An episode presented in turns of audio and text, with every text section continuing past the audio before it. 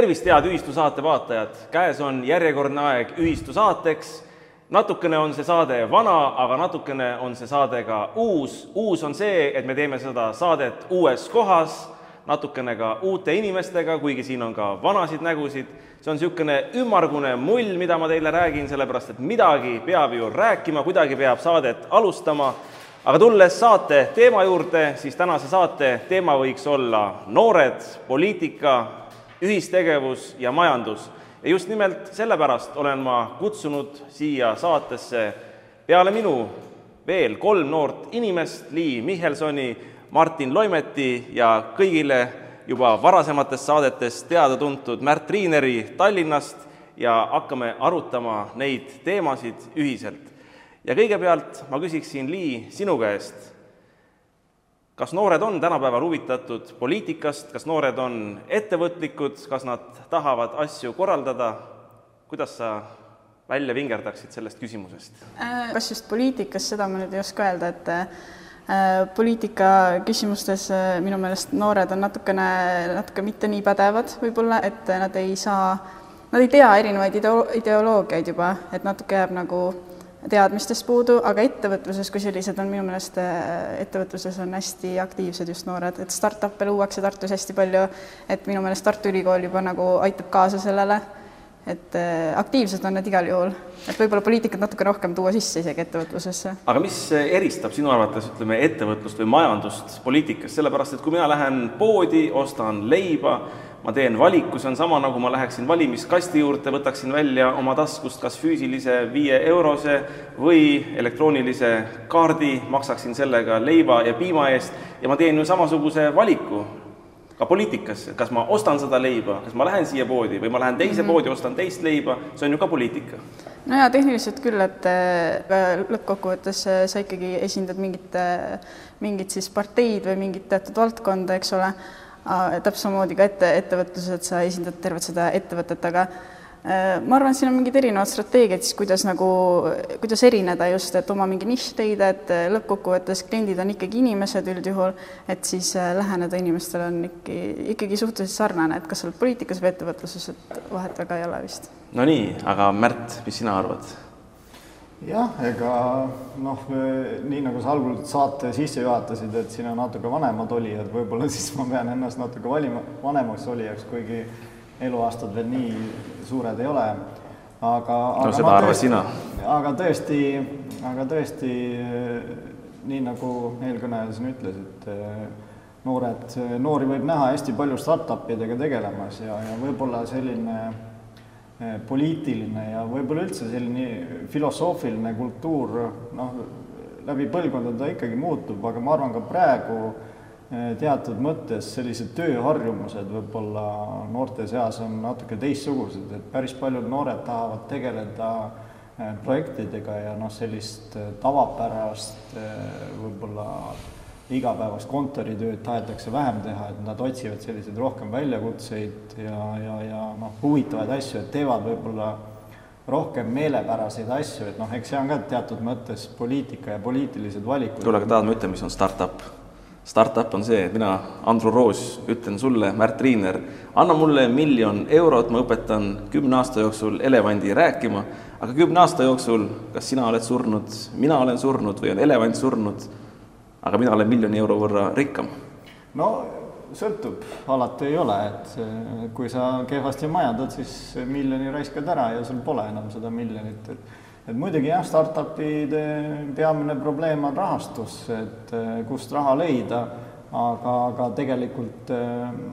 kui on hea idee, siis noored leiavad ka muid lahendusi, et me muidugi kuuleme jah, Eh, startup idest, et kes kaasas siin eh, kümneid miljoneid ja sadu miljoneid ja kelle eh, börsiväärtus või turuväärtus on seal miljardites, noh, siis küsitakse nende ettevõtete juhtide käest, et palju teil siis pangakontol on, et tegelikult neil on võib-olla kaks eurot. jah, kaks eurot, eks ole, et noh, see on kõik selline suhteline ja hinnanguline väärtus, et mida keegi on siis nõus ära ostma, et noh, ega paljud startup'id ju Eh, ei lähe üldse käima ja, ja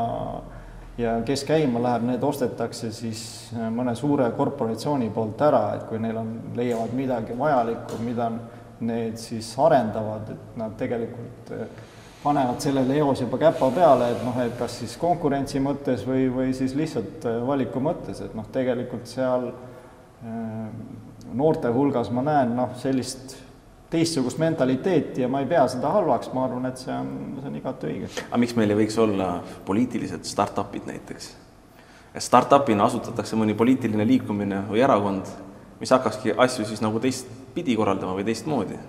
et ütleme, majandus muutub, ettevõtluses tehakse nagu asju võib-olla paremaks, tehakse teistmoodi, aga miks poliitikas ei tehta, ikka samad vanad peerud? no päris nii ka ei saa öelda. või peerid? tegelikult noh, iga iga erakonna juures on, on sellised noh, noorteorganisatsioonid olemas, et et neid kasutatakse üldiselt ju noh, muidugi selliseks mustaks tööjõuks, et noh, lastakse teha mingisuguseid rutiinseid ja igapäevaseid asju, et et mida võib-olla siis ise ei viitsita tege-, teha, noh näiteks mingisuguseid, ma ei tea, kuskil korraldatakse mingid kampaaniad, siis minnakse telkidesse, noored jagavad sealt, ma ei tea, õhupalle, mida iganes, ütlevad paar head sõna juurde et ma arvan, et seal poliitilisel maastikul lihtsalt ei ole, ei ole nii kerge nagu midagi uut leiutada, et noh, sa võid võib-olla tehnoloogiliselt äh, mingeid lahendusi seal pakkuda, ma ei tea, teed võib-olla mingisuguse äh, uue äpi või, või midagi sellist, eks ole, aga, aga laias laastus on see tegelikult suhteliselt sarnane, et ettevõtluses see, seetõttu on nagu lihtsam või kergem, et sealt neid innovaatilisi ideid välja pakkuda on oluliselt lihtsam kui näiteks poliitikas midagi uut leiutada, sest noh, poliitika iseenesest olemuselt on ju suhteliselt vana, nii et noh, ma seal näen, et võib-olla see on pigem põhjus. okei okay,, aga siin on minu arust väga huvitav teema nagu see, et noh, innovatsioon peab kõik olema uutmoodi, peab olema teistmoodi, aga kas peab olema alati uutmoodi? kas võiks olla näiteks niimoodi, et me teeme midagi ja teeme seda hästi, mis siis, et võib-olla kakssada aastat tagasi on ka sedasama asja tehtud, näiteks ma mäletan seda eh, oma keskkooli ajast, kui ma olin väike poiss, keskkooli õpilased, ma ei tea, sealt kümnendast, üheteistkümnendast, kaheteistkümnendast klassist, olid sellise pealehakkamisega, no see oli muidugi üheksakümnendate algus, ka riik tekkis uuesti, kõik need eh, aktiivsused, poliitiline tegevus, eh, noored olid ka innustunud, nad läksid meie nõukogudeaegse direktori juurde, keda peeti suhteliselt nõukogudeaegse mõtlemisega isikuks, traditsionalistiks, selliseks noh, konservatiiviks, võib-olla mõni isegi ütleks, et vanameelseks, mina nii ei ütleks, ja nad said selle loa, et tuletõrje väljapääsule, väljapääsu juurde pandi lett püsti, osteti hulgiladudest hupa-pupa nätsusid, pulgakomme, šokolaade, mingisugust Coca-Colat toodi see kõik sinna ja vahetundide ajal hakati müüma, järjekorrad olid kolmanda korruse peale välja ja ühesõnaga käivet tuli, raha tuli ja ma usun, et lõppkokkuvõttes tuli ka kasumit, vot see on äri nagu. või mis sina arvad? jah, see on selles mõttes on see tegelikult klassikaline äri, et kui on, kui on nõudlust, siis on ka pakkujaid ja noh, tõenäoliselt võis ka juhtuda ka niimoodi, et mingil hetkel võib-olla järgmisse, järgmisele korrusele või kuhugi kõrvale tekkis järgmine putka, sellepärast et kaasõpilased just, et nägid, et tegelikult see on väga hea ärimudel, mudel ja hakati kohe kopeerima seda. et selles mõttes kindlasti ei pea ilmtingimata innovatsiooni taga ajama, aga ma arvan, et tänapäeval on ka see, see asi, et innovatsiooniks võib-olla nimetatakse väga paljut, mis suures, suures pildis võib-olla ei ole innovatsioon, et tegelikult kui mingeid tööprotsesse muudetakse efektiivsemaks, siis noh,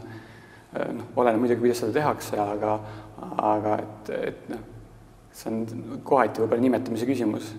aga kindlasti võib asju, asju vanaviisi teha ja ma arvan, et, ma arvan, et see on okei okay ja ja nii see elu käib, et ega igal pool ei ole võimalik ja ei jõua ka nii-öelda innovatsiooni välja, välja mõelda või? mul tuleb meelde üks reisisaade, kus üks eestlane, kes juba aastaid on ära läinud äh, Puerto, Puerto Ricosse, ja tema lemmikütlemine selles reisisaates oli see, et haridust ei pea olema, et business'it peab oskama teha. ja vaata, see keskkooli näide, see oli ju ka see, et tuletõrje varu väljapääsu juurde tehti lett, kuhu teda tänaste reeglite järgi teha ei tohiks. aga kas mitte need piirangud, ütleme, mis ühiskondlikul tasandil seadustega näiteks Eh,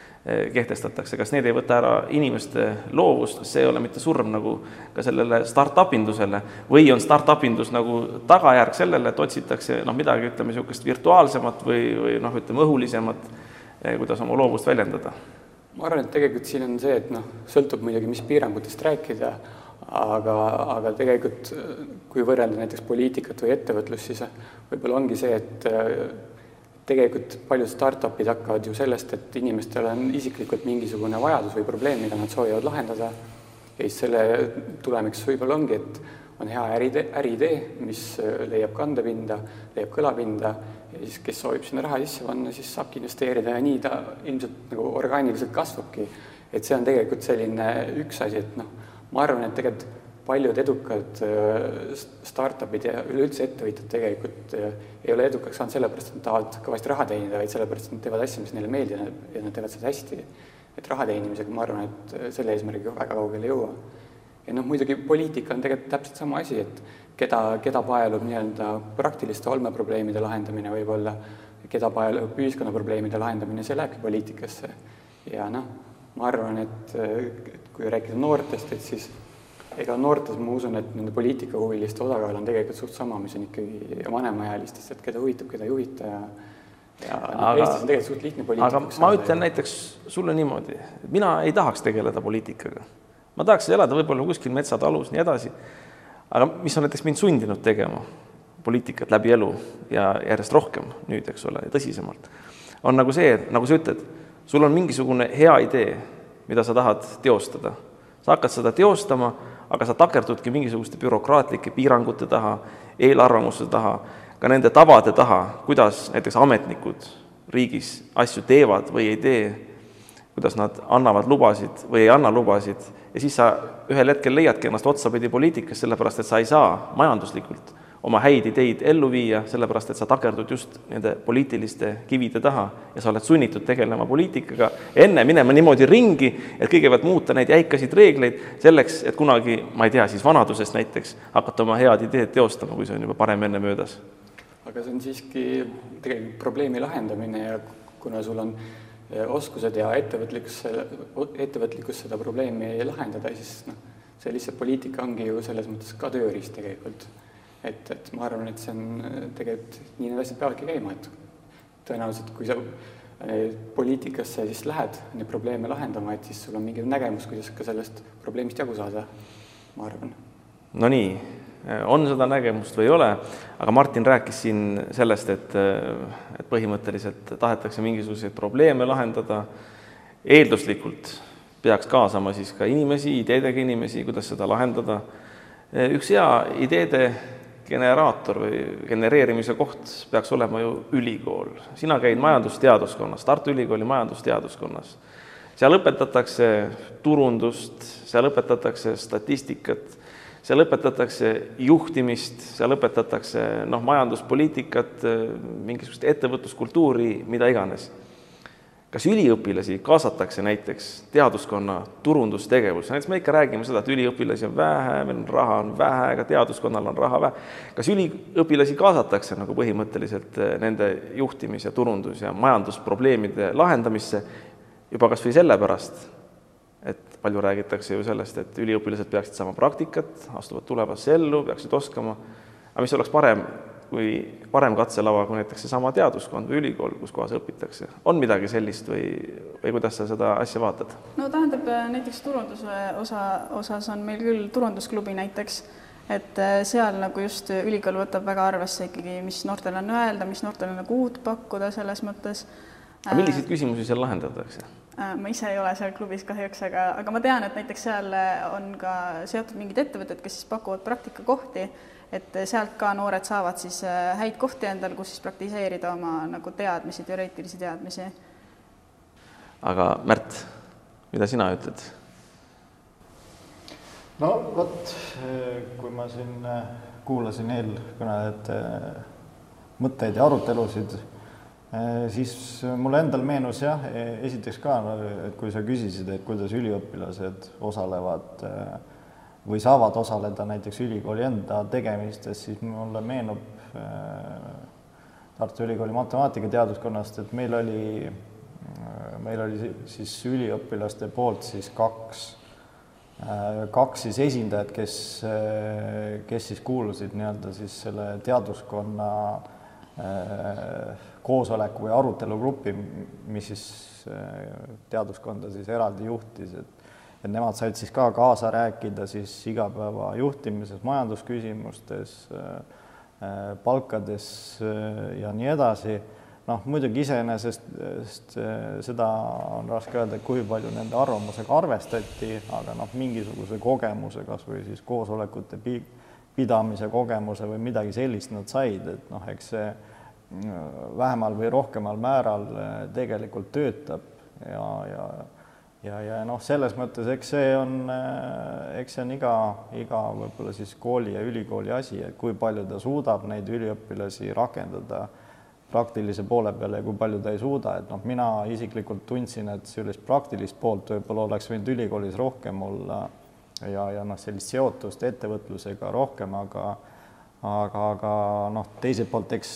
eks ma mõistan ka, et seda on nagu keeruline teha, et et olles isegi ise ka ettevõtja, siis ega meile tuleb ka neid praktikandi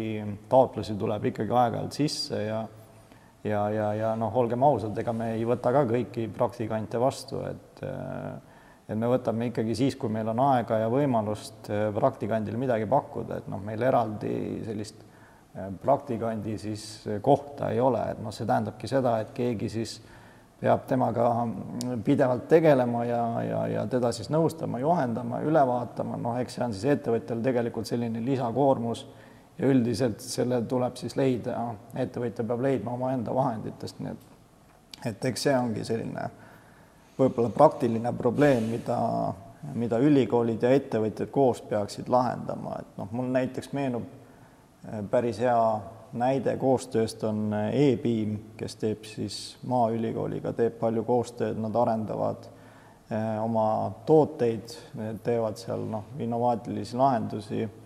et selles mõttes minu meelest see on üks hea,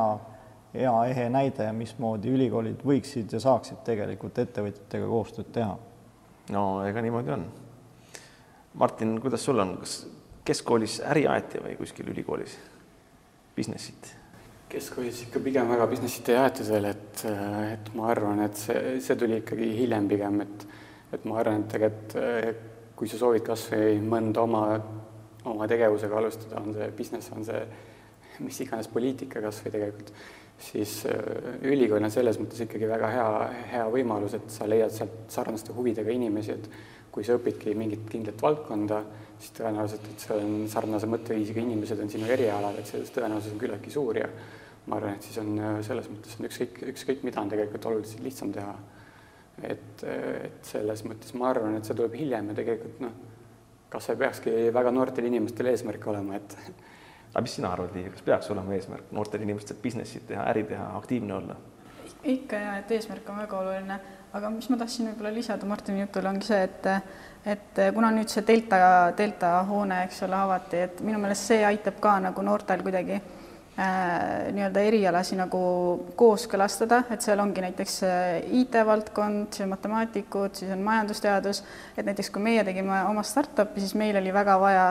ühte IT-arendajat, sest meil oli vaja veebilehte panna siis ülesse. Ja oligi see just, et ei ole nagu piisavalt neid tutvusi ka võib-olla inimestelt, kes siis tegelevad äh, informaatikaga, et võib-olla selline, sellise hoone nagu rajamine ka aitab sellele kaasa, et eri, erinevad nagu inimesed saavad kokku ja saame nagu ühtse eesmärgi panna ja siis hakata tegelema sellega. no võib-olla küll, äkki see ongi niimoodi, et võib-olla see delta on päris hea lahendus, et eks aeg näitab. aga teate, head sõbrad, äh, kuidas mina omal ajal business'it tegin koolis ma tegin niimoodi ja ma imestan, et äh, sellele kätt ette ei pandud, sest ma kujutan ette, et äh, tänapäeval võib-olla isegi viibutataks nagu sõrme selle asja peale. ma läksin kooli, mul oli niisugune mõte, et hakkaks tegema jäätist, ma ei tea, kuidas ma seda tegin, kuskilt ma olin retsepti saanud, siis internetti midagi ei olnud. Äh, korjasin tellimused vanema klassi poiste käest, tüdrukute käest, kõikide käest.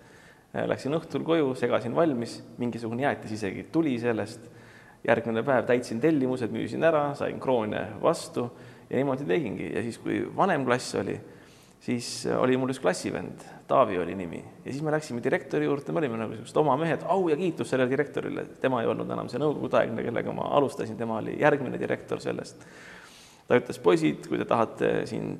teha asju, palun, arvutiklass on vaba. Ja mida me tegime, me Taaviga võtsime kätte panime Pärnu Postimehesse kuulutuse, ütlesime, et me viime, veame või viime läbi eh, arvutikoolitusi. noh, siis oli see Word, Excel, kõik taoline asi, internet, eh, suhteliselt algusjärgus, ütlesime, et meie oleme asja endale selgeks teinud, meie hakkame koolitama ja tulidki inimesed, kasutasime kooliklassi, viisime läbi ütleme, selliseid koolitusi, teenisime natukene endale taskuraha. et vot selline võiks olla see ka, et noh, kuidas üldse nagu ettevõtlusmaailmaga, päriseluga võiksid noored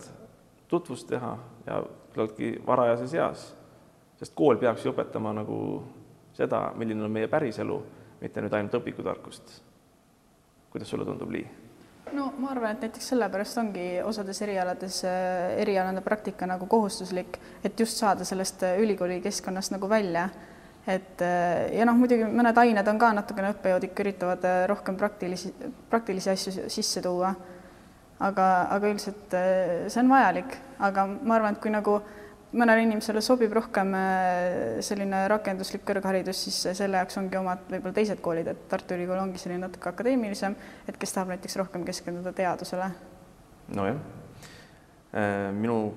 bioloogiline kell ütleb seda, et pool tundi hakkab täis saama, me üle ei tahaks lobiseda, sellepärast ma sulle, Märt, sõna ei anna, sellepärast et sina oskad pikalt ja laialt rääkida, saateaeg saab täis, aga ma annan lõppsõnaks sõna Martinile.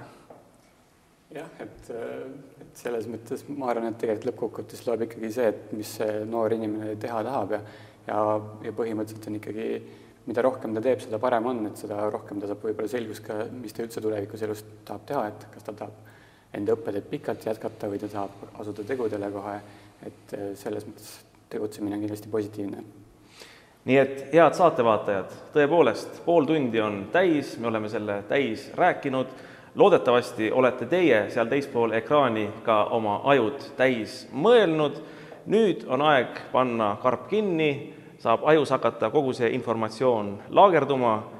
äkki tulevad veel uued mõtted, tekib süntees, saame neid teemasid edasi käsitleda juba kahe nädala pärast, kui on eetris järjekordne ühistusaade